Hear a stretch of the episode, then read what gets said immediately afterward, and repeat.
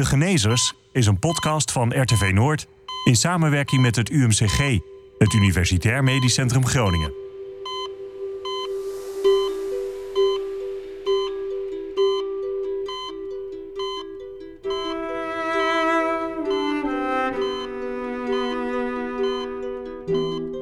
De Genezers is een podcast over ziekte en genezing, over dokters en patiënten, over methodes en ontwikkelingen in de medische wetenschap.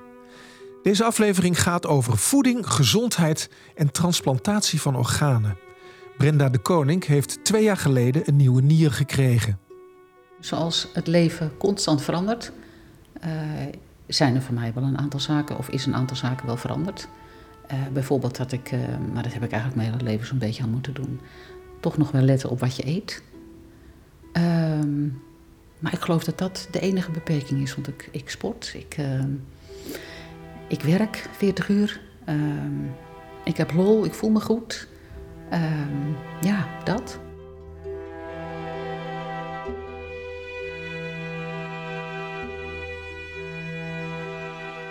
Ik beloof dat ik de geneeskunde zo goed als ik kan zal uitoefenen ten dienste van mijn medemens. Ik zal zorgen voor zieken, gezondheid bevorderen en lijden verlichten. Gerjan Navis las de eerste zin van de eed van Hippocrates, waarin een dokter belooft naar beste vermogen patiënten te helpen en te genezen. Dr. Navis is nefroloog, specialist op het gebied van nierziektes en hoogleraar voeding in de geneeskunde. Onze leefgewoontes, onze eetgewoontes zijn belangrijk in de geneeskunst. Er wordt hier natuurlijk veel gesproken over healthy aging. Ja. En ook over hoe je dat invulling zou moeten geven. En dan wordt er vaak gedacht alleen maar aan preventie. Um, en nou, dat, is, dat is dan voor zo'n ziekenhuis als het onze natuurlijk lastig. Want uh, ja, je komt pas bij ons als de preventie niet gewerkt heeft. Um, maar eigenlijk is het heel simpel. Die eet van Hippocrates, dat is de zieken genezen, de gezondheid bevorderen en het lijden verlichten. Die gezondheidsbevordering, dat waren we hier vergeten. Uh, en dat moet gewoon weer terugkomen. En daar zit dus heel veel, daar zit dus heel veel van die leefstijl in. Het ja. moet gewoon terug in de geneeskunst. Brenda de Koning heeft holtes in haar nieren die gevuld zijn met vocht. Die verdringen het gezonde nierweefsel. Dat zijn zogenaamde kiestenieren. Het kwam aan het licht tijdens de keuring waarmee ze begon aan haar opleiding als beroepsmilitair. Niet een keuze die veel vrouwen maakten zo'n 30, 40 jaar geleden. Er waren 550 mannen en 7 vrouwen. Juist. Ja. Ja. ja. Het waren er niet zoveel. Hoe ging uh, die militaire wereld met jouw ziekte om? Want er kwam een diagnose toen. Ja, nou toen wist ik het nog niet. Maar ik ging voor een vervolgopleiding naar Hilversum. En daar was een, uh, een leidinggevende, die was niet zo vrouwvriendelijk. Er zat heel veel stress op de opleiding. En toen kreeg ik last van maag. Toen werd ik naar het MHAM gestuurd, het militair hospitaal. En toen was daar een radioloog en die zei, uh, ga maar even op je zij liggen. Toen dacht ik, mijn zij? Ik heb toch last van mijn maag? Ja, zit hier, maar ik neem altijd alles even mee. En er was een televisieschermpje en ik keek erop en hij zette echo op mijn nieren en ik zag het meteen. Ik zeg, zijn dat kiestenieren? Ja, zegt hij. Ik viel even stil. Toen zei hij, weet je dat dan hoe, nog Hoe zag je dat trouwens? Wat zag je op dat scherm? Nou, ik zag allerlei blazen, dus allerlei holtes gevuld met, lucht, met, uh, met vocht. En omdat mijn moeder uh, een half jaar daarvoor of zo de diagnose gehoord had. Mijn opa is geboren, is de eerste binnen de familie met kiestenieren, maar toen wist men nog niet dat het erfelijk was. Op een gegeven moment wel, toen is mijn moeder op haar 44ste onderzocht. Toen bleek ze het ook te hebben. Dus ik zag dat en ik maakte uiteraard het verband van, hé, hey, potverdikke me, ik ook. Ja. En toen zei hij van, wist je dat dan nog niet? Nee. Nou, zit hij, heb je een vriend? Ik zeg ja, hij was erg pragmatisch. Hij zegt, wil je kinderen? Ik zeg ja. Nou, zit hij, dan moet je dat voor je dertigste doen, want anders gaat dat niet meer. Dus ik ging een beetje groggy naar buiten. Ik denk, wow. Ja. Ja, en toen uh, later moest ik nog terugkomen bij de chef de kliniek uh, om de diagnose te horen. En uh, die meneer was een beetje boos, want die radioloog had dat nooit mogen zeggen. Die had geen diagnose mogen stellen. Want ik had kiestes in nieren en geen kiestenieren. Ik zei, nou, dokter, ik zeg, mijn opa heeft kiestenieren, mijn moeder heeft kiestenieren. Dan lijkt het me toch evident ja. dat de kans groot is dat ik het ook heb. En toen werd hij boos op mij. Als u denkt dat u het beter weet. En toen was ik een beetje eigenwijs en toen zei ik, ja, dat denk ik. Ja. En toen kreeg ik de foto's, heb ik meegevraagd. Ik ging naar het AMC. En toen zei de nefroloog daar, nou mevrouw, we hebben echt een eigen onderzoek nodig. Want je moet diepte kunnen zien, uh, dus we moeten even een afspraak maken. Maar geeft u de foto's maar even en dan kan ik kijken of het, of het al heel duidelijk is. En toen hield ze uh, die foto tegen het licht aan en uh, ze draaide zich om en zei... nou mevrouw, u kunt er gevoeglijk van uitgaan dat u kiestenieren heeft. Ja. Het was zo evident. Ja. En het is eigenlijk mijn eerste tip, als, als er mensen zijn die op tips zitten te wachten trouwens... maar als patiënt zeg ik altijd, um, kom voor jezelf op, denk zelf ook na... Want niet alles wat een arts hoeft zo te zijn.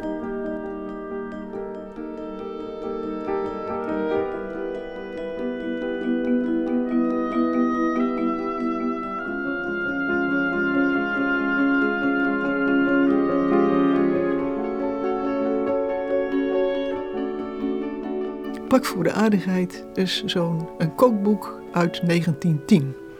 Aaltje, de oprichte Hollandse keukenmeid. Daar gaat het over. Dat begint, met, uh, dat begint met een hele prekerige inleiding over hoe belangrijk het is dat er goede en gezonde dingen op tafel komen. Dat het belangrijk is voor gezondheid en voor de hygiëne. Dus dat is eigenlijk de public health in een nutshell. Die kookboeken die zijn opgekomen in een tijd dat public health, dus volksgezondheid, ook een... Um, uh, ook iets was waar dokters voor gingen lopen. Aletta Jacobs die is, die heeft zich helemaal op de publieke gezondheid en achterstandsgroepen geworpen. Um, en de opkomst van kookboeken en huishoudscholen, dat hoorde daar ook bij. En ja, die huishoudschool die is natuurlijk weg. Ik wil niet zeggen dat die terug moet komen, maar je hebt uh, met het aanleren van voedselvaardigheden is ook iets, is ook iets verdwenen. Ja. En um, de, hoe je dat op zou moeten lossen, dat weet ik natuurlijk ook niet precies. Maar dat voedselvaardigheden belangrijk zijn. Het voedingscentrum heeft dat ook weer opgepikt. Dat is iets wat ook recent toch tot, tot een nieuwe inzichten behoort. Um, als mensen anders moeten gaan eten, dan moet je niet roepen van je moet dit doen en je moet dat doen. En niet zeggen van die mensen zijn onwillig als dat niet lukt. Maar je moet ze voedselvaardigheden aanleren. En hoe doen we dat? Hoe doen we dat? Ja, uh, ja wat ik al zei, uh, de huishoudschool terug, dat is, uh, dat is misschien een, uh, dat, is, dat, is, dat, is, dat is niet de optie die je, die je moet kiezen. maar het moet wel in het onderwijs terug. En vanuit de zorg moeten we daar ook veel meer aandacht voor hebben. Ah. Dus, Want de dokter schrijft graag een pil voor en zegt van u moet bijvoorbeeld om de hoge bloeddruk tegen te gaan, moet u die en die pillen nemen. Terwijl je misschien wel moet zeggen. Nou, kijk, wat ik. Um, er zijn twee dingen. Uh, de keuze tussen geneesmiddelen en leefstijlmaatregelen. En de volgende is dan van hoe zorg je nou dat die leefstijlmaatregelen ook een beetje werken. Um, bij ons in de nefrologie, uh, ik doe transplantatiepolie. Uh, um, ik heb ook, ook hele andere patiëntengroepen behandeld, maar nergens hoor ik zo vaak: dokter, wat kan ik er zelf aan doen? Dus wij, werken met hele gemotiveerde mensen. Die hebben een uh, nieuwe nier gekregen, die hebben hun leven terug. En die willen er heel veel voor doen om dat zo te houden. Die willen mijn pillen wel slikken, ook als ze bijwerkingen ervaren. Maar die willen ook hun leefstijl wel aanpassen. Daar, daar, daar willen ze hard voor lopen. Um, maar dan moet je ze wel helpen om dat voor elkaar te krijgen. Nou, wat ik van onze diëtisten leer, is, want wij hebben namelijk hele goede en hele betrokken diëtisten. Uh, die rekenen mensen niet alleen voor hoeveel ze mogen hebben, maar ook hoe ze dat voor elkaar kunnen krijgen. Die hebben zelf allerlei leuke recepten ontwikkeld. Gewoon soep zonder zout, waar je het niet aan proeft, wat echt hartstikke lekker is. Maar ook hoe je met restjes omspringt en hoe je dat met, uh, met goede kruidenmengsels hartstikke lekker maakt.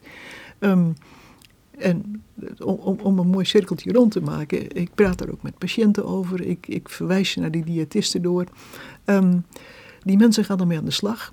En zo heb ik van een van de patiënten het adres gekregen van een hele goede kruidenmenger die bij mij om de hoek bleek te wonen, waar ik nu zakjes kruidenmengsels haal, waar ik gewoon de hele week de groenten in wok elke dag een ander zakje. En nu denkt iedereen dat ik heerlijk kan koken. Dat is niet zo. Dat zijn die zakjes. dus je kunt zelfs een drukke dokter uh, bepaalde voedselvaardigheden bijbrengen. Ja. Het is niet zo moeilijk. Je moet het alleen even weten.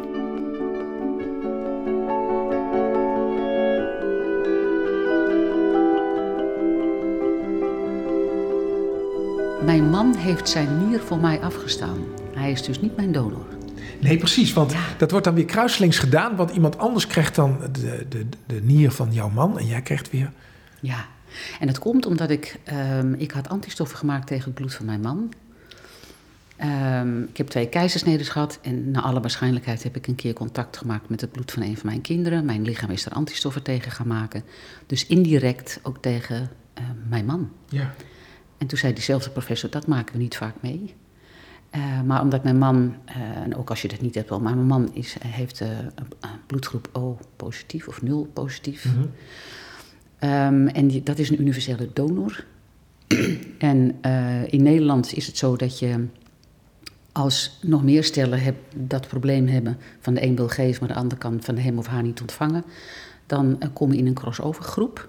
En dan gaat de computer drie keer per jaar uh, checken van, want je DNA gaat erin, checken van, goh, wie matcht bij wie. Uh, en ik had, was enorme bofte ik dat ik de eerste keer meteen raak had, meteen prijs had. Um, en toen is er in een groep van acht mensen, uh, het is ook de grootste groep die je dan kunt hebben in Nederland. Um, zijn mensen elkaar nieren gaan geven. Dus stel, uh, donor 1 gaf het aan ontvanger 4 en ja, ja, 2 gaf aan 3. En, en zo kwam het dus dat mijn man uh, in de zomer van 2017 um, in het AMC lag, waar mijn dochter toen werkte. Dus die kon op papa passen, de zaakjes passen.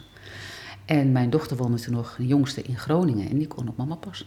En uh, s ochtends werd mijn man geopereerd. En dus lagen wij te wachten en te wachten en te wachten. En vlak voordat ik naar beneden ging uh, om mijn nier te ontvangen, hoorde ik dat het goed ging, was gegaan met mijn man. Maar die heeft een vier uur durende operatie gehad om zijn nier te laten verwijderen. Spure liefde, hè? Ja, ja, ja, ja. ja. Ik, ik weet nog dat toen wij verkering hadden en ik vertelde dat ik uh, kiestenieren had. Toen zei hij meteen, nou dan krijg je mij nier toch. En dat heeft hij... Woord die belofte heeft woord gehouden, precies. Ja, ja, ja. ja, ja. Levende donatie is een pijler onder het transplantatieprogramma. Ja. En het is ontegenzeggelijk heel veel beter als in dialyse zijn en ook beter als uh, een nier van een overleden iemand krijgen. Ja. Maar als, als dokter maak je iemand wel ongezond ineens door een, een van zijn twee nieren af te pakken. Um, nou, dat, dat is altijd het issue geweest. Hè? Um, je zou ook, er zijn ook mensen die zeggen als... Uh, als onze lieve Heer geen niertransplantatie had gewild, dan had hij ons wel gewoon één nier gegeven. Dat is, ik, ik weet niet of dat klopt. Maar we hebben er gelukkig twee. En je kunt met één nier kun je heel oud worden.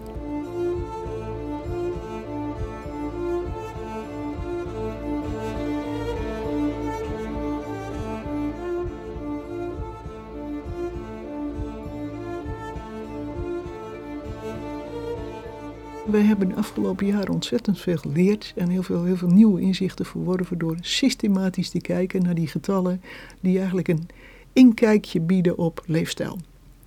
We noemden zout al, uh, maar we weten inmiddels ook dat onze patiënten gewoon veel te weinig eiwit binnenkrijgen. Dat was, dat was, een, blinde, was een blinde vlek. Na transplantatie worden mensen namelijk vaak zwaarder. Ja, dat zie je aan de buitenkant. Ja. De weegschaal vertelt het ook. Uh, als ze zwaarder worden, dat is een, dat is een flinke risicofactor voor, uh, voor het krijgen van suikerziekte in deze groep. Daar hebben ze sowieso een hoog risico op. Als ze dat ontwikkelen, dan, uh, ja, dan kun je wachten op de, op de, op de hart- en vaatziektes en ook op dat, dat zo'n nier het slechter gaat doen. Dus daar zaten we bovenop. Die mensen mochten niet dikker worden. Naar de diëtist, gewichts, gewichtsstabilisatie. totdat we het eens een keertje na gingen meten. En toen bleek dat die mensen eigenlijk helemaal niet zoveel aten. Maar ze bewogen nog veel minder. Dus het zat hem in het feit dat die mensen na transplantatie niet zelfstandig weer actief werden. En vooral de mensen die dat helemaal niet lukte, die werden zwaar. Ik, hoe kan dat nou toch? Dus we zijn met ze gaan praten. En dan hoor je, um, dan hoor je om te beginnen dat die mensen ons vragen van... is dat eigenlijk wel goed voor me? Uh, is dat niet slecht voor mijn nier als ik nu ineens weer een sport ga doen? Mensen die zeggen, ja, maar daar ben ik gewoon veel te moe voor. Daar kom ik helemaal niet aan toe. Um, kortom, we zijn het na gaan meten. We bleken dat die mensen veel spieren hadden ingeleverd in de voorafgaande tijd. Dus dan is het ook veel moeilijker om weer in beweging te komen. Dat ze helemaal uit conditie waren. Uh, die mensen hadden een revalidatieprogramma nodig. Ja. Dat hebben we opgezet.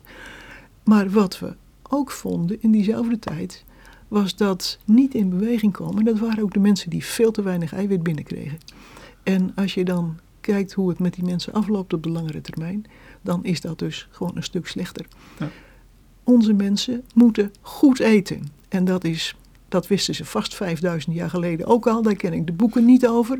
Maar het zijn wel dingen die oma tegen je zei: Kind, je moet goed eten. Ja. En goed eten in medische termen is gewoon voldoende eiwitten en niet, niet te veel van de dingen die je eigenlijk niet nodig hebt. Dus eiwitondervoeding komt bij onze mensen veel voor. Want ze zijn lang ziek geweest. Dan heb je een verhoogde eiwitbehoefte. We hadden het kunnen weten. Maar onze richtlijnen die komen uit de algemene bevolking omdat die getallen er niet waren. Dat wil zeggen, ze waren er wel, maar ze zaten verstopt in medische archieven. Die hebben we nu boven tafel gehaald. Uh, en nu weten we dat mensen gewoon meer, meer eiwit binnen moeten krijgen. Wat mij verbaasde was dat ik dacht dat ik de rest van mijn leven een soort, zoals dat heet, een zwangerschapsdieet zou moeten, me daaraan zou moeten houden. En een zwangerschapsdieet is dat je geen rauw producten eet. Dus geen carpaccio, geen filet americain. Paté sowieso niet, want daar worden heel veel uh, vervelende bacteriën ingevonden in 80% ervan. Dus niet-patiënten, het is beter dat ze dat sowieso niet, niet eten. Dat doe ik ook niet. Um, uh, ook geen rauwmelkse kazen of uh, nou ja, allerlei kazen met schimmels. En ik dacht, nou, dat is gewoon verleden tijd. En daar vind ik wel wat op. En toen zei de diëtiste van, nou, er is een nieuw protocol en dat hoef je maar een jaar vol te houden. Nou, ik, ik was echt helemaal flabbergasted. Ik denk, wat? Vond ik natuurlijk wel leuk om te horen. Ja. Um, en ik merk ook heel vaak op die Facebookgroepen dat er nog altijd mensen vragen van wat mag ik nou wel en wat mag ik nou niet. Um, en in principe mocht ik dus na dat jaar ook weer gewoon filet americain, rauwe haring en, en, en zalm en tonijn. En ik merk wel dat ik daar heel voorzichtig mee ben. Ja. Dat ik toch denk van waarom zou ik? Dus um, ik heb het wel eens een keer gehad dat ik dacht, oh, daar is haring, één stukje met wat uitjes. Um, maar in principe, ik eet geen filet, filet. Ik neem geen carpaccio. Ik neem geen rauwe, rauwe vis. Of, ik, nee, waarom zou ik? Maar het, officieel um, is dat dus veranderd en mag dat wel met mate. Mijn nefroloog zei ook, ja weet je, ga nou niet de kat op het spek binnen en elke dag filet americain eten. Want dat, dat moet ik zelf ook niet doen als gezonde man. Nee, maar ik, ik ben daar toch wat voorzichtiger in. Ja, dus een eigen keuze.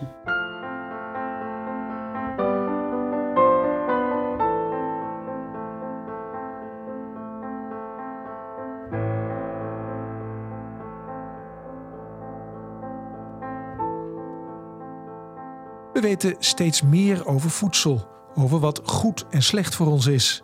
Zo kan zout heel schadelijk zijn en niet alleen voor nierpatiënten. Dat weten we wel, maar ja, wij en het zout gaan ver terug. 5000 jaar geleden, dat waren de oude Chinezen die dat al wisten. Um, zout is een geweldig middel om voedsel goed te houden. Dus als jij een oorlog wilde winnen en je, je stuurde je leger op pad, dan moesten die lui natuurlijk niet allemaal uh, aan de dunne raken. Dus dat vlees, dat werd flink gezouten en, dat, en die vis die werd flink gezouten. Dus als je geen zout had, dan kon je geen oorlog winnen. Dat is eigenlijk kort en goed het verhaal over het zout. Ja. Um, zout. Um, we, zijn eten blijven zouten. Denk aan zuurkool bijvoorbeeld. Hè? Gewoon, dat, is gewoon, dat, is gewoon, uh, dat is gewoon witte kool in een hele grote pot met zout. En dan uh, een steen erop en dan in de kelder. En dan kun je daar de hele winter van eten. Um, als je zout eet, dan pas je smaak zich aan. Uh, dus je drempel om zout te proeven, die wordt dan hoger. Want anders lus je het niet meer. Dan vind je het veel te zout. Dus dat betekent omgekeerd, als je dan iets eet wat niet zout is. Dan denk je, god, wat is dat smakeloos, wat is dat flauw, dat lust ik helemaal niet, dat heeft helemaal geen smaak.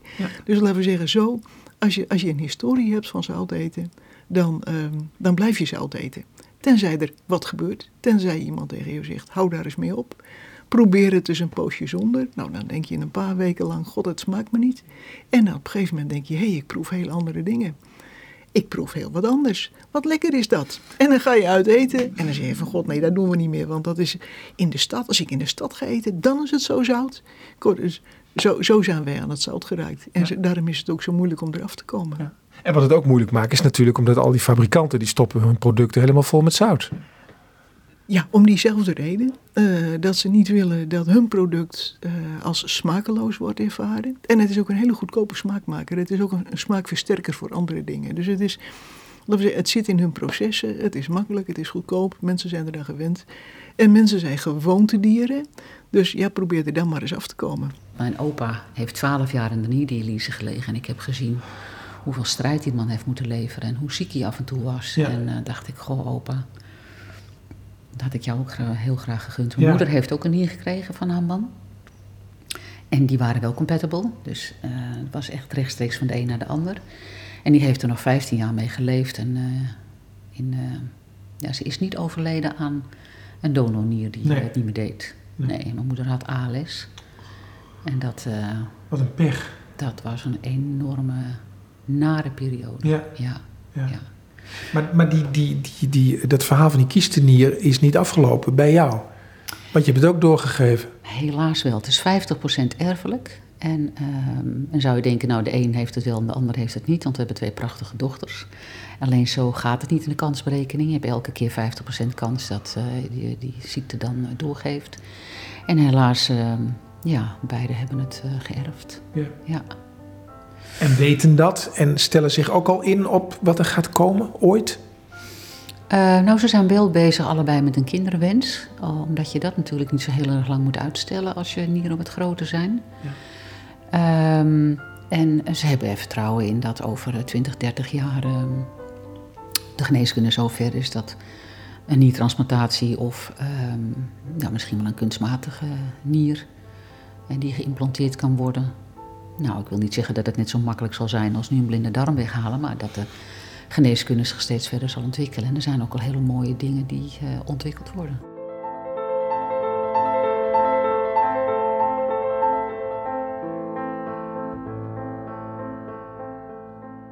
In het vakgebied van Gerjan Navis, de voedingsleer, is nog veel te doen.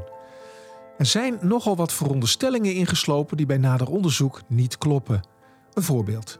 Hoe ongezonder iemand eet, hoe groter het risico om diabetes te krijgen. Dat dat zo is, blijkt ook uit het grote Groningse Lifelines-onderzoek. Dan een uitkomst die helemaal niet voor de hand liggend is. Stel, je bent laag opgeleid, maar je eet wel heel gezond. Dan is toch het risico op diabetes vele malen groter dan wanneer je hoog opgeleid bent. Het oplossen van dit soort vragen is een opdracht voor de komende jaren. Als we daar niet achter komen, blijven we dus mensen bestoken met een one size fits all, wat bedacht is door hoogopgeleide mensen achter een bureau. En dat moet dan voor iedereen, uh, ook mensen die qua leefomgeving en qua achtergrond helemaal niet op hunzelf lijken, voor iedereen moet dat gaan werken. Ja. Gezonde voeding is voor iedereen goed. Laat, laat, laat, daar geen misverstand over bestaan. Maar de mix aan, wat, uh, aan de krachten die het ziekterisico drijven, die is voor mensen met een lage opleiding um, en een laag inkomen anders dan voor mensen met een hoge opleiding en hoog inkomen. En als we die mix niet ontrafelen, dan blijven we die mensen dus gewoon bestoken met onze eigen dingetjes. Dus uh, om, om het even te chargeren, het is, het is niet. Als die laagopgeleiden niet aan de groentesmoothies willen, ze hebben een punt. Uh, want voor hun zijn andere dingen gewoon veel belangrijker ja. als bepalers van het risico. En als we dat niet boven tafel krijgen, dan blijven we dus gewoon een soort, um, toch een elitaire gezondheidszorg en ook een elitaire preventie uh, uh, gewoon in de lucht houden. Gewoon het feit dat met enorme vooruitgang in de, in, in de geneeskunde, met alles wat we weten, en ook met een stijging van de gemiddelde levensverwachting, dat de sociaal-economische gezondheidsverschillen blijven en groter worden. Nou, dat is, um, ja, dat is niet acceptabel. Als we, dat, uh, als we dat accepteren, zijn we geen knip voor onze neus waard. En ook die eed van Hippocrates, daar hebben we ons dan ook niet aan gehouden.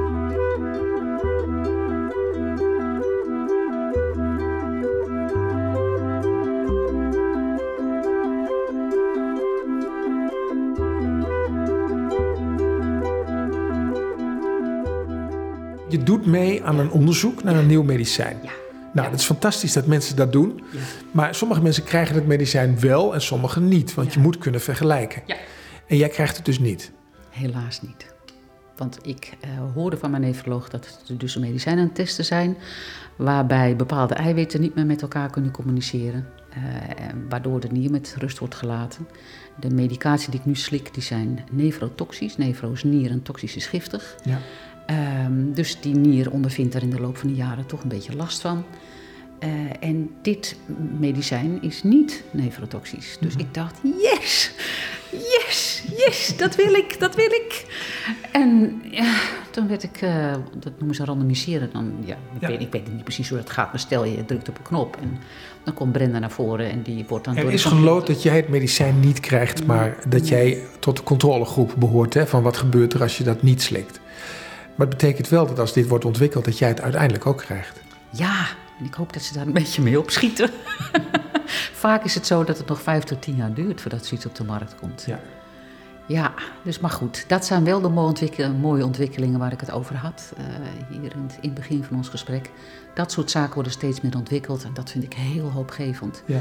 Het is niet alleen heel belangrijk voor niet-patiënten, maar eigenlijk voor alle transplantatiepatiënten. Als dit soort medicatie wordt ontwikkeld, dat het niet meer giftig is. Ja. Dan kun je ook veel langer doen met een orgaan. Dat betekent dat er minder organen nodig zijn. Ja, dat is toch fantastisch. Ja, ja.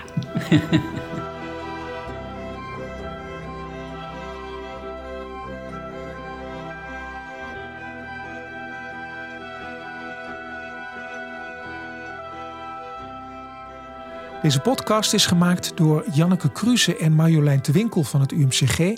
Techniek Meralda Smit. Mijn naam is Pieter de Hart. Er zijn meer afleveringen van De Genezers.